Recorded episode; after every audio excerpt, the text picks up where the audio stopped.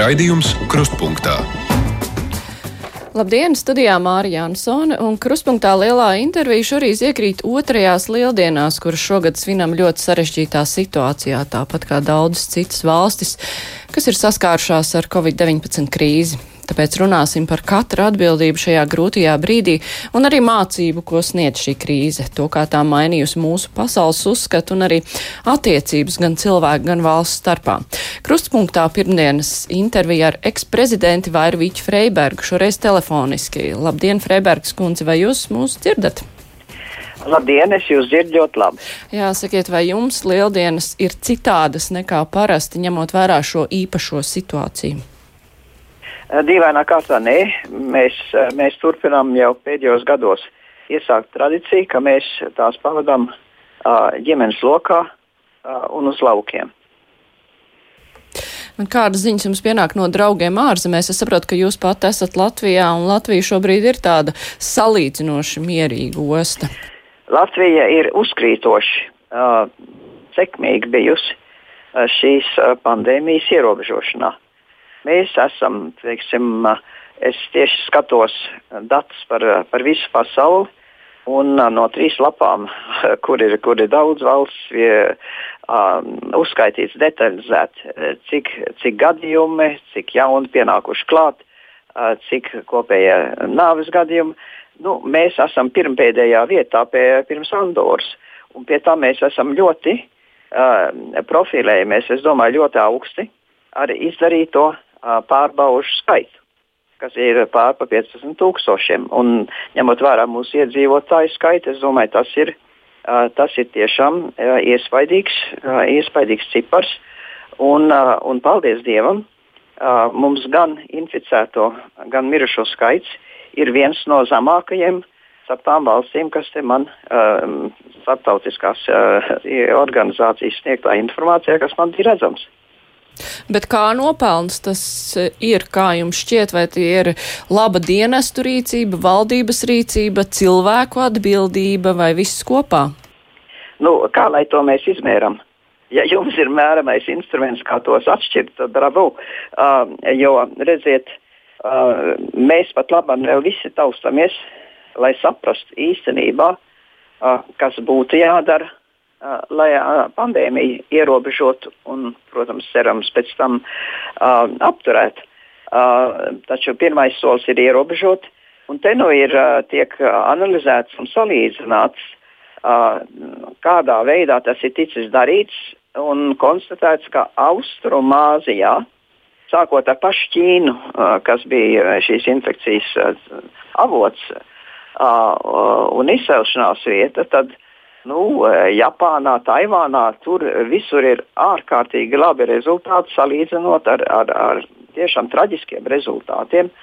Un, uh, procentuālo nāves gadījumu skaitu Itālijā, Spānijā, nu jau arī Lielbritānijā un uh, pirmā vietā Amerikas Savienotās valstīs, kas kā nekā ir bagātākā valsts pasaulē un, un, un līdz šim ir bijusi arī va, va, vadošā valsts pasaulē starptautiskā uh, starptautiskā teiksim, at, attiecībās.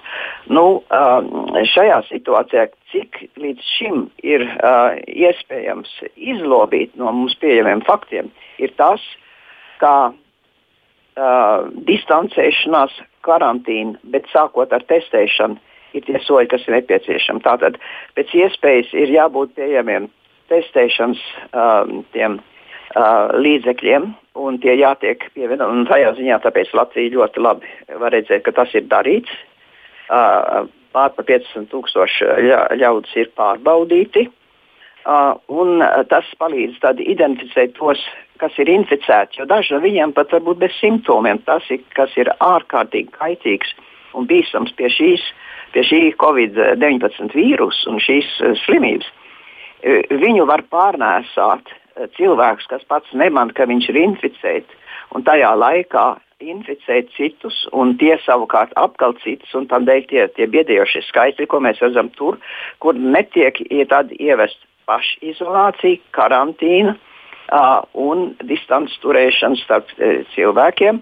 Un arī politiski uh, dažādu, teiksim, tā kā Amerikā, dažādie, kas viņiem rallija ir politiskā kampaņa laikā, viņiem tas bija, bija jāpārtrauc. Sporta spēles ir uh, notikušas uh, tukšos stadionos, bet tagad pat vairāk arī tas nenotiek, jo sportistiem būtu jā, jākontaktējas un jābūt drošiem, ka neviens no viņiem nav inficēts. Un nerunāsim par vispārējo. Bet tas, tas nākošais solis pēc, pēc šīs uh, kontrolas ir arī kā nodrošināt izdzīvošanu un esenciālo pakalpojumu pieejamību publikai. Jo uh, saprotiet, ja kādā mājā izceļas pa šo laiku ugunsgrēks, uh, jebkurā zemē būtu jābūt gataviem ugunsdzēsējiem, kas ir darbā un, un kas ir uh, apmācīti un māca apieties ar savu ekipējumu, lai dotos un to ugunsgrēku izdzēstu. Par slimnīcām un medicīnas personālu nerunāsim. Starp citu, es gribētu izteikt uh, šajā nu, pir, otro lieldienu dienā sirsnīgāko pateicību es kā pilsoni personīgi uh, visiem tiem ārstiem, māsiņām, slimnīcas darbiniekiem, transporta vadītājiem, kārtībniekiem, robežsargiem, visiem, visiem, kas nonāk veikalos, kastu nesējiem un, un, un tiem pie kastu stāvētājiem, visiem, kas strādā un kas ir sava darba dēļ, neizbēgam viņiem jānonāk kontaktā ar publiku. Par to, ka viņi ir šajā savos posteļos, teikt, tā kā zaldāti savā, savā vietā, tranšajās frontē. Uh, Uh, un ir bijuši gatavi savus pienākumus pildīt, lai mēs, nu, kaut vai sakot, nenomirstam badā, lai mums turpinās būt pārtiks piegāde, lai tie, kas ir slimi un slimības jau nav tūlīt izārstētas, visas pārējās uh, slimnieki turpina slimni, uh, slimot, un slimnīcas daudziem ir vajadzīgas. Uh, un, uh, mēs nedrīkstam uh, blakus Covid radītajiem upuriem uh, tagad uh, dažādu, teiksim, kontrolas mēra rezultātā riskēt ar to cilvēku dzīvībām, kam ir vajadzīga zinām regulāra palīdzība. Un, jā, palīdzība arī veciem ļaudīm, nespējīgiem, vientuļiem pensionāriem un tā tālāk. Tur atkal, es domāju, tur būtu uh, vajadzīgs sirsnīgs paldies visiem tiem, kas kā brīvprātīgi ir iesaistījušies un ir gatavi, teiksim, aiznest tādam slimam cilvēkam mājās pārtiku un tā tālāk. Sirsnīgs paldies viņiem visiem. Es domāju, tas no mums visiem būtu jāsaka. Jā, īpaši šajā svētku laikā ir svarīgi arī pateikties. Bet tomēr jūs tas, eh, ko jūs minējāt par eh, valstīm, kurām ir veiksmīgi izdevies ierobežot vīrusu, šīs valstis daudzas, eh, dažas no šīm valstīm neizceļas ar nu, pirmkārt ar eh, cilvēktiesību ievērošanu tādu, kā mēs to saprotam, ir eh, ņemt talkā cilvēku totāla izsekošana, respektīvi šī karantīna, kas saistās, ka cilvēki nevar pārvietoties brīvi, vai, vai mūsu uh, rietumu demokrātijas vispār tādus cilvēku ierobežojošus pasākumus spēja pieņemt, lai mēs varētu arī to izmantot un, uh, jā, arī tādā kritiskā situācijā, kāda kāda ir šobrīd, jo mēs jau arī nezinām, ar ko viss šis beigsies. Nē, absolūti mēs nezinām, un tas ir. Tas nu, ir tas, varbūt tas svarīgākais pie šīs situācijas, ka mums ir jāsaprot, ka te nav precedenta. Te ir precedenta gabaliņi tādi. Ja? Un mums no tiem gabaliņiem kaut kāda mozaīka jāsaliek un, un, un visu laiku uh, jāsako līdzi, jādara monitorings, lai, lai, lai visu laiku iegūtu jaunus datus uh, un sekot līdzi un redzēt, kādas rīcības un intervences dod rezultātus un kādas nedod. Um, nu, par, par totalitārām valstīm runājot, um, paraudzīsimies uz uh, Turkmenistānu, kur ir uh, katrā ziņā egomaniaks uh, un autoritārs uh, prez, prezidents. Uh, Um, kas ir uz, uzsvērs uh, veselību, sportošanu, uh, kam personības kults uh, tiek prezentēts caur mēdījiem tieši tādā veidā. Nu, viņiem brīnumainā kārtā nav neviena paša gadījuma. Jāsaka tā, viņi tiešām ļoti agri aizslēdz savus robežas, bet zemes iekšienē tur viņiem notika, kas tur veselības velo, velo brauciens un, un tā tālāk. Tur, tur milzu masas cilvēku sanāk kopā. Un, nu, viņu uh, ziņojums ir tāds, kā viņi ir sagatavoti, ja gadījumā tā epidēmija būtu. Uh, bet um, gadījumi viņiem inficēšanās gadījumā absolūti nav neviena. Nu, te varētu būt, es domāju, pat Pasaules veselības organizācijas uh, darbiniekiem, kas šos datus prezentē, viņi to dara ar, ar, ar zināmu tādu nu, mazliet rezervēti, jo viņi tiešām nevar garantēt uh, no personīgas teiksim, uh, pieredzes un, un, un, un pieejas situācijai, ka tas tiešām ir taisnība. Nu, kas attiecās uz tādām, piemēram, sejas at, atpazīšanas uh, ierīcēm, es baidos, ka viņas pie mums kaut kādā stadijā uzrādīsies visā pasaulē. Jo kārdinājums tādas izmantot um, dažādu iemeslu dēļ, un uh, daudz no tiem nu, tiešām leģitīmi, kā piemēram teroristu izsekošana, um, gan jau tas, e, e, es domāju, diezgan neizbēgami izplatīsies tā vai tā. Līdz šim Eiropā Ungārija ir vienīgā valsts, kas uh, uh, premjeram Orbānam ir um, mainījis likums, lai sniegtu viņam ārkārtas situācijas, um, gandrīz neierobežotu varu šajā uh, situācijā. Mums ir ārkārtas situācija, bet visas demokrātiskās uh, teiksim, uh, struktūras un, un, un darbošanās principi nav mainīti. Tas tā arī nav noticis nekur citur Eiropā. Uh, Ungārija līdz šim ir vienīgā kas ir, ir gājusi šāda, es teiktu, diezgan izteikti autoritārs varas un atklāts autoritāras varas virzienā. Bet jautājums, cik ilgi pārējā Eiropa to izturēs? Nu, šobrīd tie dati, kas nāk no Itālijas, no Spānijas, protams, ir cerīgāki, bet mēs nezinām, vai nebūs epidēmijas otrais vilnis. Un, ja situācija viņš kļūs pa... Ir, viņš jau ir otrais vilnis Ķīnā. Jā, tur jau, nu, nu lūk, un tad jautājums, vai Eiropai tomēr nenāksies pievilkt eh, grožus savām brīvību un demokrātijas izpratnēm attiecībā uz saviem cilvēkiem, lai ierobežotu slimību? Nu, redziet, eh, īstenībā tās vienīgās prasības, kas līdz šim ir bijušas, ir paši izolēties uh, un, un ieturēt distanci no, no, no ikdienas, teiksim, ikdienas dzīvē pilsonim.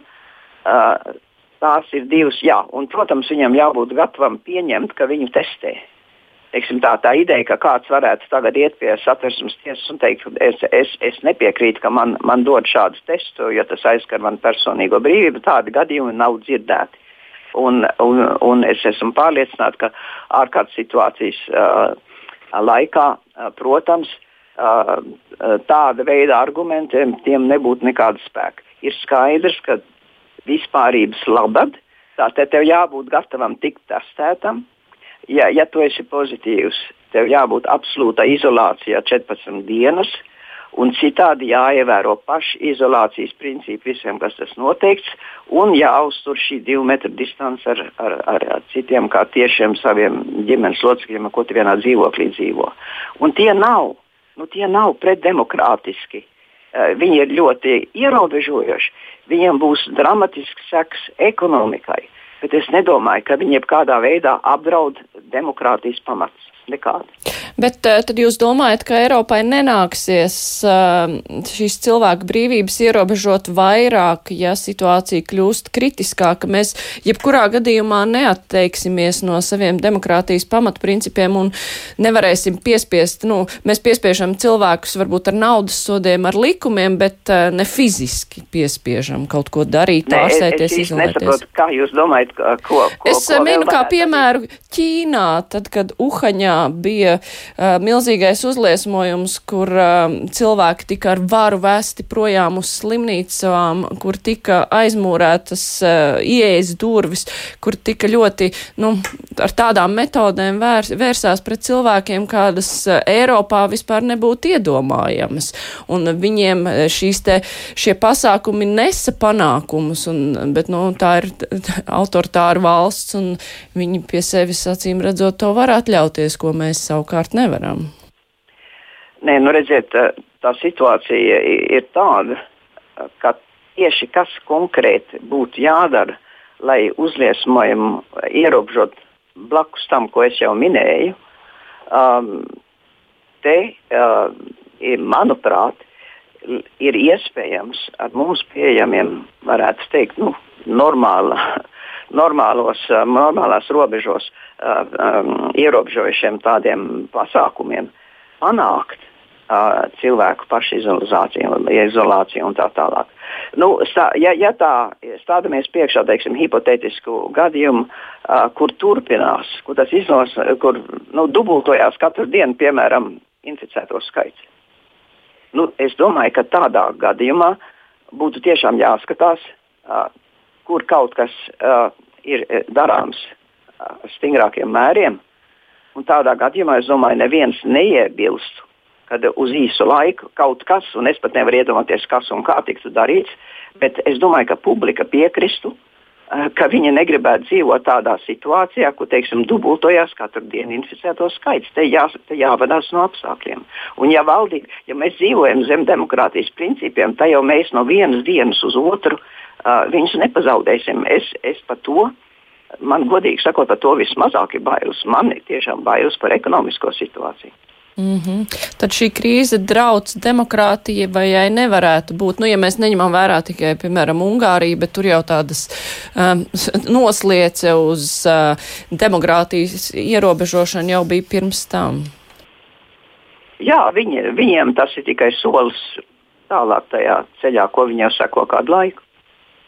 Bet, ja mēs runājam par latviešiem, jūs minējāt, ka jūs lieldienas jau iepriekš svinat um, savā ģimenes lokā, laukos, tā kā norobežot, un es domāju, ka arī daudziem cilvēkiem arī ikdiena, nu, varbūt pat nav tā ļoti, ļoti, ļoti mainījusies, ja viņi īpaši nečupojās. Mēs tomēr esam tāda viensētnieku tauta.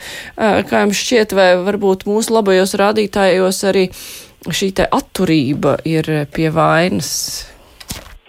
Nu, redziet, man kā zinātniecei nepiedien izteikt secinājumus, ja man nav datu, uz kuriem balstīties. Un, um, es, uh, es ļoti vilcinos uh, nākt pie, pie, pie slēdzieniem šajā sakarā. Uh, es domāju, te mūsu, mūsu uh, universitātes sabiedrisko uh, un sociālo uh, lietu pētniekiem uh, būtu iespēja, pateicoties elektroniskiem saziņas līdzekļiem e, izdarīt aptaujas un, un šādus datus ievākt. Tas, tas būtu, es, es varētu palīdzēt viņiem uzzīmēt eksperimentālo schēmu, kāda būtu jādara. Uh, bet bet te, te būtu iespējams tiešām caur, caur mm, sociālajiem mēdījiem un, un, un citādos veidos um, dažu nedēļu laikā dabūt datus par, par šo, e, ko jūs vaicājat. Tas ir ļoti interesants jautājums. Un, un būtu ļoti interesanti, un es domāju, arī ļoti vērtīgi dabūt par, par to, par cik latvieši uh, ir diezgan dzīvojuši savā brīvā laikā, teiksim, uh, vairāk noslēgt nekā, nekā publiskos uh, un, un uh, grupu pasākumos.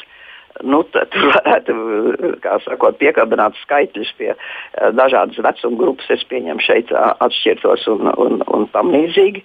Um, bet redziet, galvenais jau ir, manuprāt, saistīts ar to, ka cilvēkiem ir nu, normāli jāiet uh, tiem, kas ir uh, darba spējīgo vecumā, viņiem ir jāiet uz darbu. Un tas tagad, nu, ne visām profesijām, bet ļoti daudzām, tas ir aptvērts. Mākslinieki neuzstājās vairs uz skatuves, sportistiem nav vairs uh, hokeja spēlētājiem arēnas tukšas saprotiet, tiem uh, tas impakts, tas iespējas ir, ir, daudz, daudz manumāks. Bet jā, Latvijai ir izcili labi rezultāti uh, kontrolējot šo, šo pandēmiju. Uh, un es tiešām mudinātu mūsu, mūsu pētniekus uh, izmantot šo, šo būtībā traģisko situāciju uh, un ievākt uh, noderīgus uh, zinātniskos datus.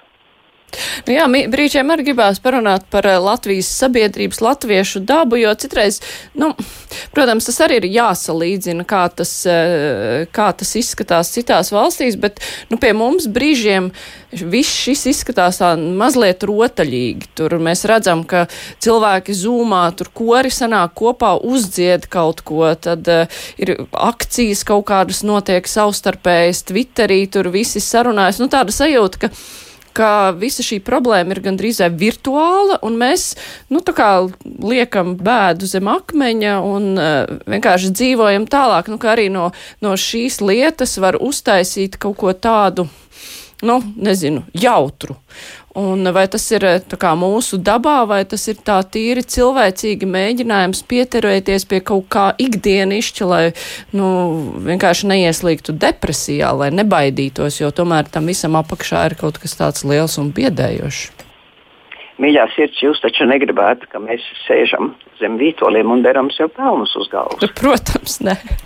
Un un viena, viena no lietām, par ko ir jārūpējas šādās ekstrēmās situācijās, ir panika ļaužu vidū. Angliski to sauc par anxiety attacks. Ļaudīm uznāk tādas baiļu liekmes, uh, kādas nu, ir, tā, ir, tā ir tāda diagnosticēta slimnīca, kas dažiem slimību, kā, kas ir, kas ir daļa no, no neirožu saraksta bet viņa mm, stresa situācijās var uznākt. Tas, tas, protams, ir ļoti nevērami, jo cilvēki tādā situācijā um, nonāk pie, pie neracionālas varbūt, rīcības. Viņam dažam radās klaustrofobija, tāpēc ka viņš ir, viņš ir ies, iesodzīts, jūtās savā, savā dzīvoklī, un viņam absolūti vienkārši vajag kaut kādā stadijā izmukt un, un tādā garā. Vienmēr sakot, es domāju, visi šie pasākumi ir teicami tādā nozīmē, ka viņi pasargā cilvēkus no uh, savas dārgās enerģijas tērēšanas, uh, um, nevajadzīgām un neproduktīvām uh, domām un jūtām, kas viņu, viņu uh, um, imunitātes līmeni tikai draudētu pazemināt un, un padarītu viņus uh, uh, vairāk uzņēmīgus, uh, jebkādam kontaktam ar vīrusu, jeb pie tāda viņa nonākt. Uh, es domāju, cilvēkus turēt um, pie pēc iespējas labākas somas uh, krīzes situācijas laikā tā nav vieglprātība. Es domāju, ka tā ir. Ir, ir, ir kara laikā Anglijā, ja paklausties karalienes runu, kā, kā viņa atgādināja, ka viņa kā meitene savu māsu bija teikušas runu, lai uzmundrinātu visus tos bērnus un, un pusauģus, kas tika atšķirti no saviem vecākiem Londonā un aizsūtīti uz laukiem uz, uz ilgāku laiku. Tādos gadījumos ir pilnīgi normāli ļaudīm censties uh, šo situāciju nepārvērst par, par izmisumu situāciju, bet rast radošs risinājums, kā, kā cilvēkam turpināt viņu dzīvot puslīdz normālā emocionālā līdzekļa stāvoklī. Bet uh, tas arī rāda tātad, cik mūsu sabiedrība ir spējīga pašorganizēties un cik tā ir labs pašsaglabāšanās instinkts, jo neviens jau no augšas to nelika darīt, to jau visi paši dara. Jā, un es, es sev pieskaitītu šeit klāt arī uh, Latvijas uh, veikalnieks, kas ir apvienojušies. Uh, lai, lai radītu vienu, vienu centrālo platformu, kur ir iespējams iegādāties preces, uh, Eh, es domāju, tā ir, tā ir tiešām teicama iniciatīva, eh, jo eh, mums ļoti drīz radīsies situācija, kur mm, lieliem un maziem veikaliem, kā jūs zināt, viņiem ar, ar, ar, ar finanšu plūsmu ir, ir tāds ritms, ir tāds cikls. Un, ja, ja nāks tā stadija, kad bankas prasīs um, parādus un aizdevumus atmaksāt, un parādu piedzinēji sāks klauvēt ļaudīm pie durvīm, uh, Te, te tagad tā, tās runas, kas notiek, un debats par banku rīcību un kredīta situāciju risināšanu, tā, tā, tā būs viena no akūtām problēmām, kas būs jārisina. Bet savukārt, ja mēs runājam par mūsu amatpersonām, nu, par valdību varbūt nē, jo valdība ir tā, kas šobrīd rīkojās, pieņem lēmumus, dara, bet, nu, tie tautas priekšstāvi, kas ir saima, valsts prezidents, vai viņi ir bijuši pietiekoši iedvesmojoši un nu, nomierinoši sabiedrībai, vai viņi rada pārliecību, ka mēs darām visu, ko varam, un, nu, lai cilvēki jūt, ka var paļauties, jo arī kara laikā, jā, kad karalis uzrunā savu tautu, lai sniegtu kādu vēstījumu, vai mūsu amatpersonas ir pietiekoši snieguši šo vēstījumu cilvēkiem un rādījuši arī ar savu piemēru, kas tagad ir jādara un kā būt labāk. Nu, e, atkal es, es nevaru, būdams šeit pašizolācijā, ja, savā laukumā. Ja? E, e, piedodiet, bet es nezinu, kā jūtas visa Latvija. Uh, un kā kurš uh, reaģē uz to, ko darījuši mūsu amatpersonas. Uh, ko es jums varu nu, faktuāli apstiprināt, ka, ka mana ģimene uh, televīzijā noskatījās uh, valdības paziņojumu un, un Kariņa kunga uzrunu, uh, ka tika paziņots par, par ārkārtas uh, stāvokli. Uh, mēs sekojam un, un uh, sekojam visam citam elektroniski. Un, nu, manā ģimenē mēs jūtamies, kā, uh, ka situācija ir zem kontrols. Un sevišķi skatoties uz, uz tām statistikām un salīdzinot vai ne pasaules līmenī, tad paldies Dievam, varam teikt, Āmen. Uh, līdz šim uh, mēs turamies. Jā, es atgādināšu Latvijas radio klausītājiem, ka šodien mums ir intervija ar bijušo prezidenti vai ne, Latvija, ne, kā pareizi saka, eksprezidenti un Latvijas prezidenti Vairvīču Freibergu, un mēs atgriežamies tūlīt, turpināsim sarunu. Raidījums Krustpunktā. Jā, mēs runājam par mūsu veiksmīgo Latvijas uh, valdības uh, sniegumu šajā sarežģītajā situācijā, bet kā ir ar Eiropas Savienību? Kā jums šķiet, vai Eiropas Savienība bija gatava pandēmijai? Šie te sākotnējie lēmumi, kas notika ar robežu slēgšanu, diezgan nekoordinēti, tajā skaitā arī palīdzības sniegšanu valstīm vai nesniegšanu valstīm. Kā jums šķiet, vai Eiropas Savienība kā kopiena parādīja sevi no labākās puses, jo izskanēja jau diezgan daudz tādi, tādas norādes, ka Eiropas Savienības vienotība ir izrādījusies tikai mīts.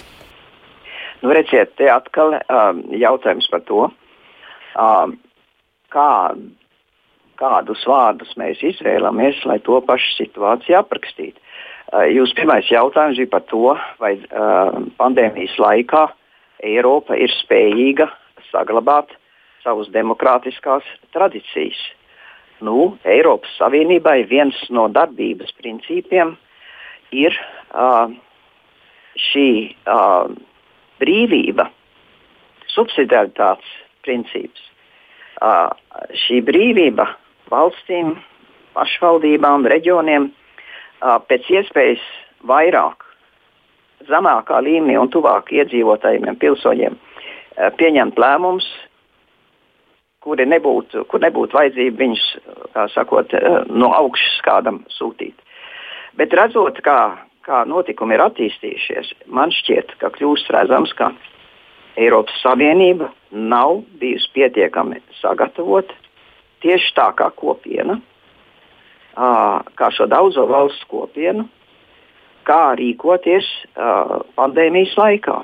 Mēs esam Eiropā ļoti daudz darījuši un, un daudz rūpējušies uh, gan uh, par klimatu uh, izmaiņu kontrolēšanu, uh, lielā mērā arī par piesārņošanas uh, jautājumiem, kas ir bieži saistīti. Bet uh, pandēmija kā tāda uh, man radās iespējas, ka nav bijusi uh, augsta prioritāte uh, Eiropas Savienības struktūrās lai izstrādātu krīzes rīcības plānu šāda veida draudu situācijā. Es jau gadiem, gadiem aģitēju caur dažādām grupām un, un, un, um, un iesā, iestādēm par to, ka Eiropai ir vajadzīga vairāk koordinēta rīcība uh, tieši uh, drošības un aizsardzības jomā. Pandēmija īstenībā viņa lielā mērā ir saistīta ar, ar iedzīvotāju drošību, iedzīvotāju veselību, kā nekā tā ir viņu un, un, un drošība pret, pret, pret šādu veidu slimību. Tā ir, tas ir varbūt dzīvības un nāves jautājums. Un, nu, Eiropa katrā ziņā saņem kritiku no dažādiem avotiem. Es atzīšos, ka neesmu iedzinājusies visās detaļās kādi likumi pastāv Eiropas Savienībai, um, ko viņi tieši pieprasa no dalību valstīm un tā tālāk. Un tā tālāk. Bet ko mēs redzam? Mēs redzam um, lielu starpību um, tajās, uh, tajās reakcijās, un, un, un kas tiek mēri, kas tiek pie, pie, pie, pieņemti, um, vai slēgt robežas, vai ierobežot uh, kustību. Uh, kādā veidā ierobežot kustību. Uh, nenormāli augstais um, mirušo skaits Ziemeļitālijā šķiet saistīts ar to, ka Itāļi tās pandēmijas sākumā uh, diezgan viegliprātīgi attiecās pret šiem kustības brīvības ierobežojumiem. Viņi ir tāda tauta, kas, kas uh, mīl, es domāju, kontaktēties. Uh, bieži dzīvot trīs paudžu ģimenēs, tāpēc manā gadījumā arī uh, tā tas ir. Uh, un, uh, Citas valsts toties um, aiztaisīja, aizsliedza robežas ļoti agri. Uh, citas valstis, kā Zviedrija, uh, patur, uh, patur kafejnīcas un, un restorānus vaļā un, saka, un, un, un valdības pārstāvji saka, pilsoņi ejiet un baudiet saulītu un pavasaru un priecājieties. Um, tā kā, nu lūk, vai, vai nu jums ir šī subsidiaritāte, kur katra valsts ir suverēnas tiesības pašai izlemt, cik daudz viņi darīs, lai to pandēmiju ierobežot vai nē. Bet nāk tas brīdis, kad mēs saprotam, ka tāpatās kā ģenētiski kontrolētiem augiem, eh, šī gadījumā vīruss nepazīst robežas, un, un, un viņš var plivināties pāri jebkurām robežām. Un, ja viena valsts ļoti vaļīgi pieiet eh, pie kontrolas uh, mēriem, kas tiek pieņemti, blakus valsts var sakot, stāvēt uz galvas, lai, lai vīrusu ierobežotu.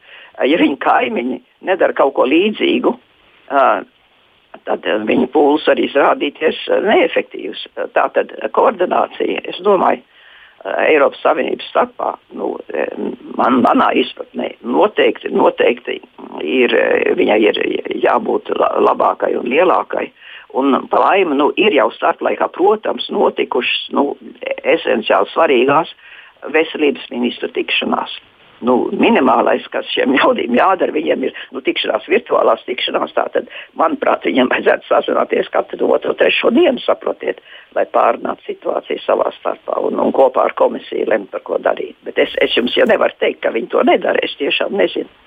Nu jā, ņemot vērā, ka vīrus nepazīst robežas, te jau būtu ne tikai Eiropas Savienībai jātur visiem kopā rokas puls, bet visai pasaulē, jo tas jau skar visu pasauli, bet, e, kā mēs redzam, lielvaru ambīcijas tāpat nekur nepazūd arī tajā brīdī, kad draud briesmas, e, kas tas ir par fenomenu, vai pareizāk sakot, tas jau droši vien, ka nav nekāds fenomens, tas ir vienmēr tā. Prezidenta Trumpa rīcība, viņa Uh, viņa opozīcija no demokrāta puses, tā kā Jeffrijs Saks, uh, nepaiet ne diena, kad viņš nesniedz detalizētas uh, datus par to, kādā veidā prezidents Trumps un viņa administrācija atkal ir uh, viņa prāt um, rīkojušies pilnīgi greizi un neadekvāti situācijai.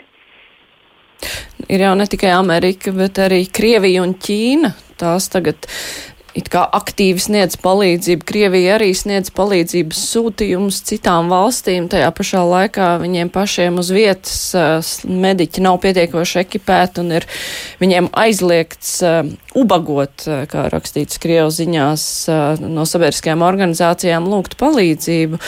Nu, kāpēc? Um, valstīm, kurām pašām ir liels problēmas, vajag izrādīties, ka viņi glābi citus. Tas jums jāprasa viņiem. Uh, es domāju, ka nav nekas jauns uh, Krievijas politikā. Uh, tā vienmēr ir bijusi situācija. Viņa rūps manā izpratnē par, par savu pilsoņu labklājību nāk vienmēr otrā vietā pēc valsts kā tādas un, un tās vadības prestīža un, un iespēju, iespēju teikt, iegūt punktus kaut kādā starptautiskā sacensībā par, par popularitāti, jeb, jeb par iespaidu vai par varas izrādīšanu.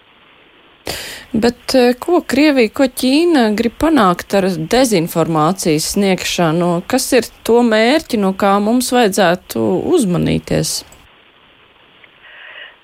Es neesmu drošs, ka Krievijai un, un Ķīnai ir absolūti vienāda uh, stratēģija, jeb, jeb, jeb taktika. Um, Ķīna ar savu, tiešām ar savu palīdzību sev Balkānu puselā uh, ļoti aktīvi, uh, es domāju, pakāpeniski iegūs ar vien lielāku, arī uh, varbūt netiešu, bet ievērojamu politiskā spiediena spēku. Vai nu šīm valstīm jau ar, ar to uh, jostas un ceļa um, programmas uh, lieliem aizdevumiem, kurus viņiem būs grūtības uh, valstīm atmaksāt. Tas ir viens, kā viņi dziļos parādos pret Ķīnu um, infrastruktūra būvēšanai, um, bet šī gadījumā tā palīdzības sniegšana, kas es nevaru, uh, es nevaru nosodīt faktu, ka kāda valsts reāli sūta citai valstī uh, reāli derīga palīdzība. Cik noprot tas, ko Krievija sūtīs Itālijai, neatbilst šim kritērijam. Viņi nav nosūtījuši tādas lietas, kas būtu visvairāk vajadzīgas, tādas lietas, kas viņiem būtu derīgas. Tas ir tiešām bijis plātīšanās žests, uh, vārda vis, vis, visbūtiskākajā nozīmē, uh, no kura uh, liela brēka, bet maza vilna, uh, liels propagandas efekts, bet maz reāli labumu. Kas attiecās uz ķīniešiem, tad, cik es dzirdu, viņi tiešām sūta masveidīgus sūtījumus uh, uz dažādām valstīm. Uh, lai, uh, lai viņām sniegtu tieši nu, ventilatorus, aizsargu tērpus, maskas un, un, un tādas lietas, kas konkrēti šobrīd tiešām ir vajadzīgas.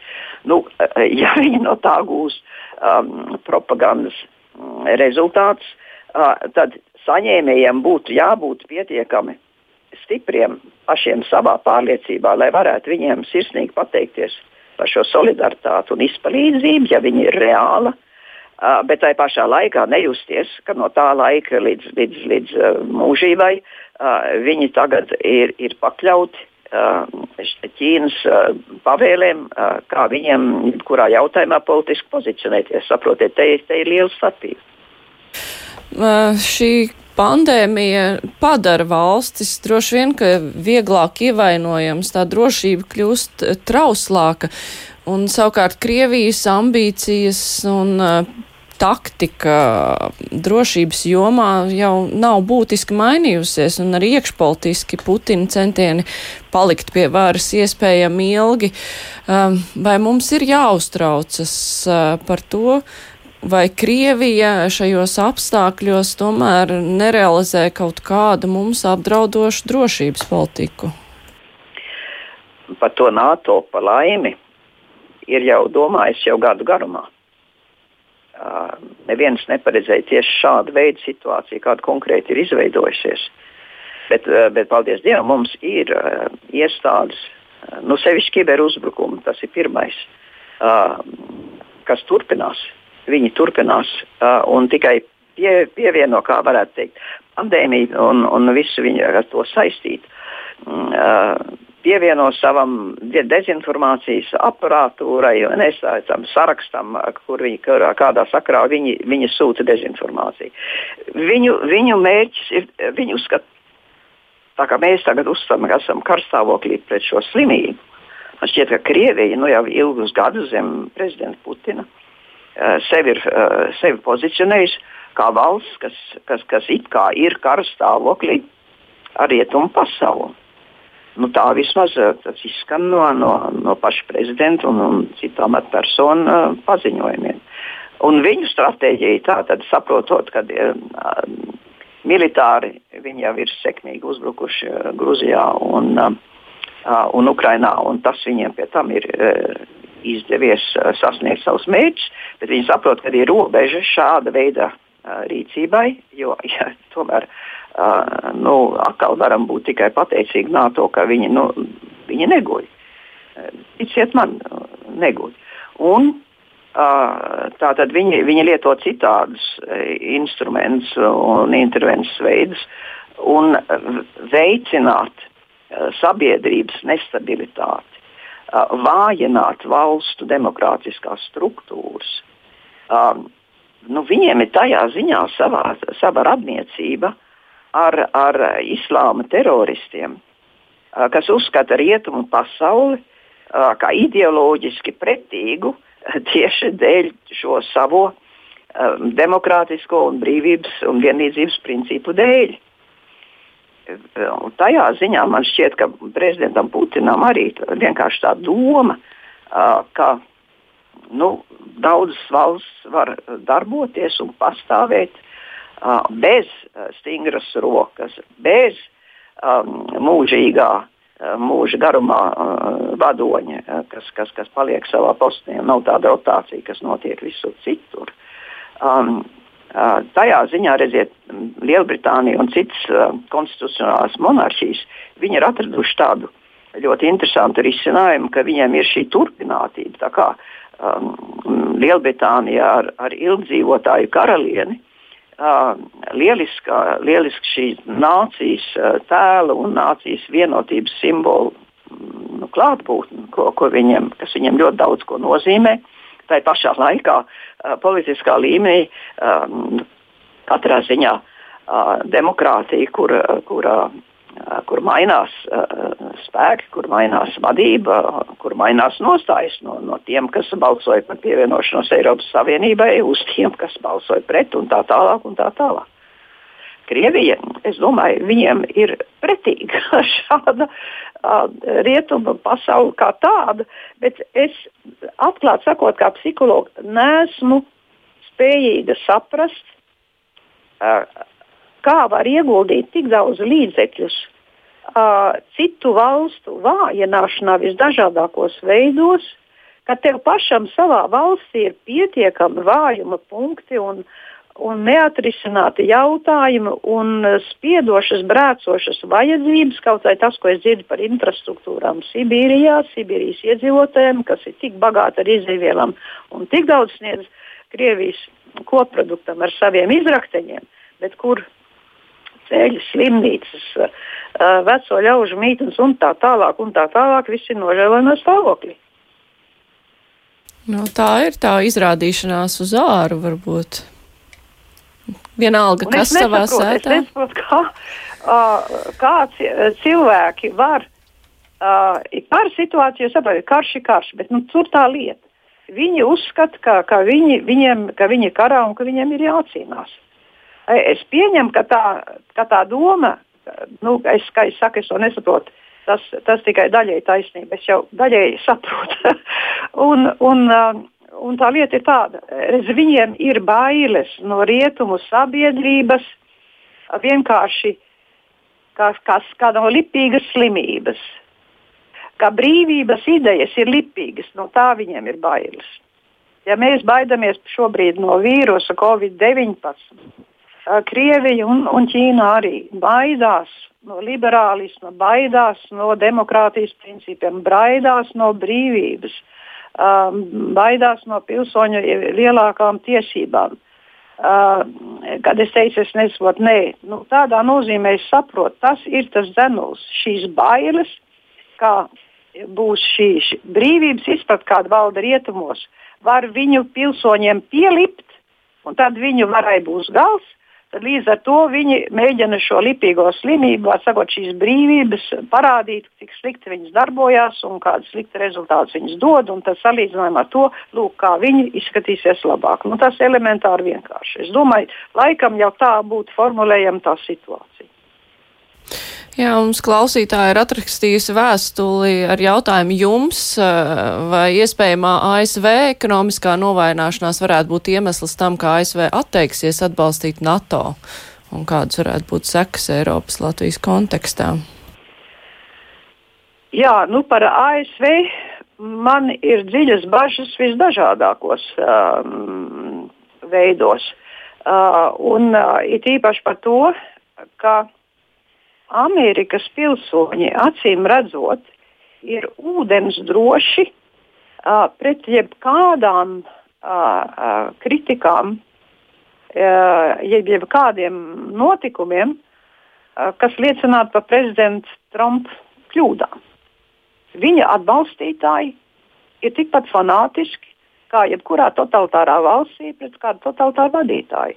Un tas nozīmē, diemžēl, ka psiholoģiski jebkurā tautā ir ļoti daudz cilvēku, kam ir šī infantīvā prasība un vēlme psiholoģiski dziļi sirdī pēc tēva attēla, var sakot, tēva funkciju pildoša, pildoša vadoņa, kas pateiks, jā, es, es gādāšu par to, lai jums iet labāk, atstājiet visu manās rokās, es visu nokārtošu, esiet mierīgi, jums par neko nav jāraizējas. Un vienalga, ko viņš dara un cik reizes dienā viņš nepareizs faktus sniedz un melo, šiem ļaudīm vienkārši viņa, viņa uzstāšanās, tieši viņa, viņa maniera, tā viņiem sniedz šo drošības sajūtu. Un šī psiholoģiskā attieksme no ievērojamas daļas no Amerikas iedzīvotājiem, tā man dara bažīgu, jo uh, tas nozīmē, ka prezidents Trumps, kas kā personība ir arī egomaniāks, pilnīgi nenoliedzami.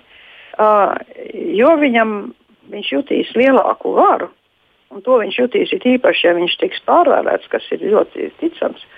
Um, ko viņš vēl varētu izlemt, lai savu popularitāti saglabātu? Tas vienkārši nav prognozējams. Jā, mums klausītāji ir atrakstījusi tā, ziniet, man šķiet, ka cilvēki nemainīsies pēc šīs krīzes, jo nav mainījušies arī tās laikā, un nav arī nekādas tādas krīzes, tas nav karš, kad cilvēki palikuši bez mājām, kad jābaidās par savu dzīvību katru baltu dienu. Um, šis Covid krīzes salīdzinājums ar karu ir izskanējis nereiz vien, kā jums šķiet, vai tas ir atbilstoši? Nu, ja salīdzina, teiksim, mirušo skaitu frontē, un no gaisa uzlidojumiem, tad kara situācijā nebija vienādi skaitļi visās, jebkuras valsts vietās. Piemēram, Anglijā, kad, kad, kad vācieši sāka savu blitzu ar uzlidojumiem Londonai, tie bija ļoti intensīvi. Coventry arī ne, pazīstami. Un tādēļ tie bērni tika sūtīti uz laukiem. Kādēļ? Tādēļ, ka uz laukiem um, uzlidojumu nebija.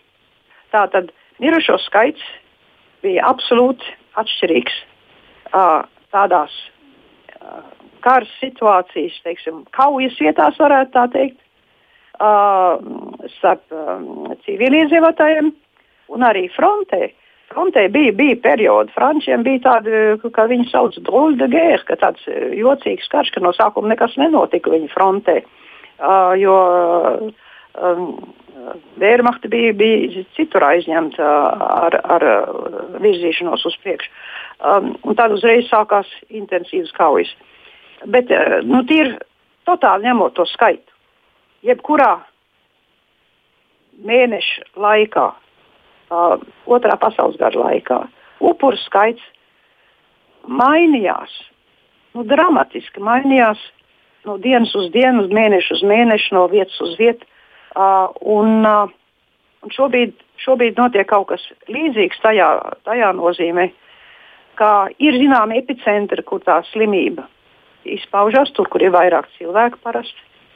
Um, bet mēs, mēs nevaram paredzēt, kurā vietā tas notiks. Uh, tā, tas nav tāds slaktiņš, tā kā frontē, piemēram, notika.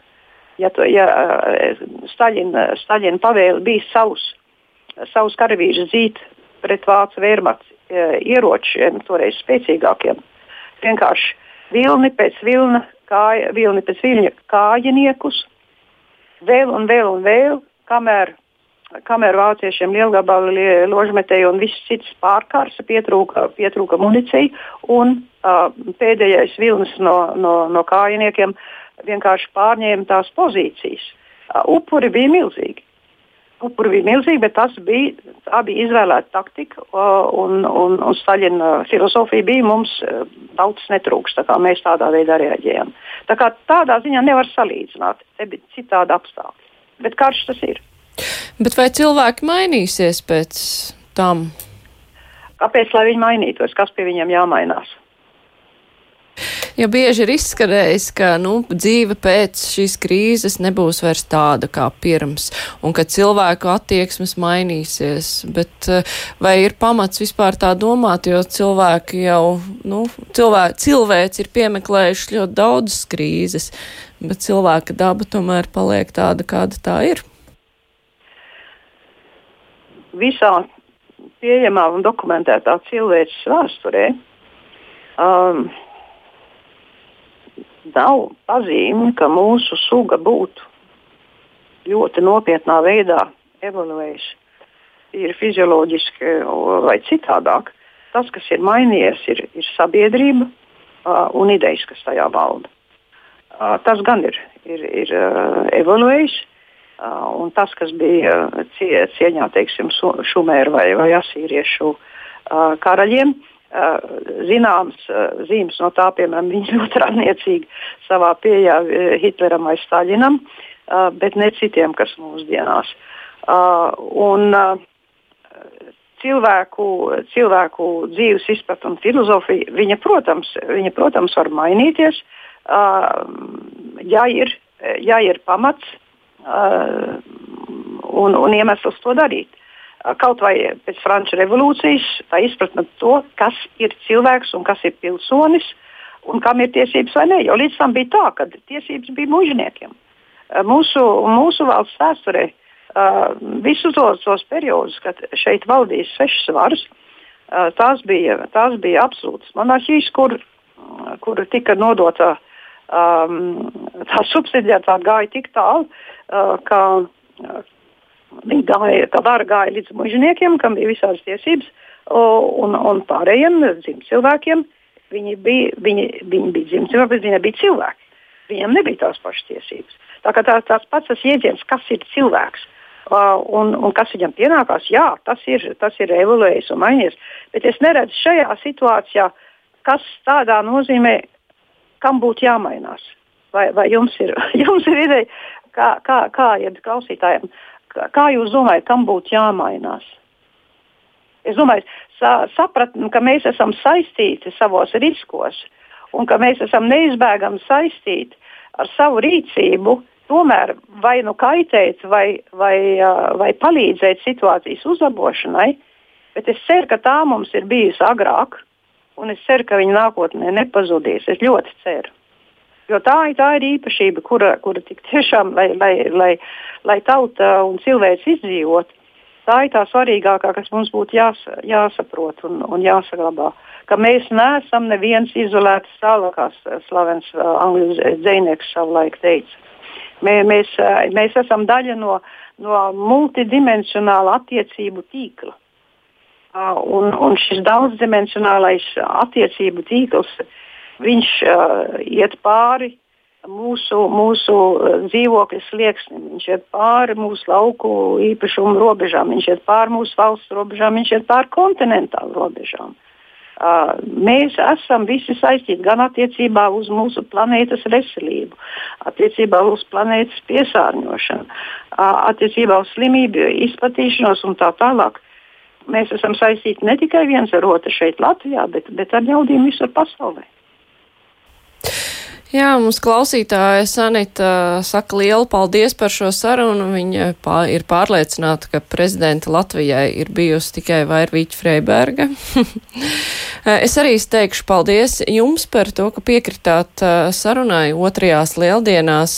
Es atgādināšu, ka mūsu ne studijā, bet šodien lielā intervija bija ar eksprezidentu Vairvīķu Freibergu. Paldies jums, Freibergs kundze! Un, Labi. Visu labu, un kruspunktā ar to šodien arī izskan raidījumu producēja Evi Junāmas, studijā bija Mārija Ansone. Atkārtojumu jūs varēsiet noklausīties arī pēc deviņiem vakarā, tāpat iespējams arī to noklausīties Spotify, Apple un Google podkastos. Visu labu, tiekamies arī rīt!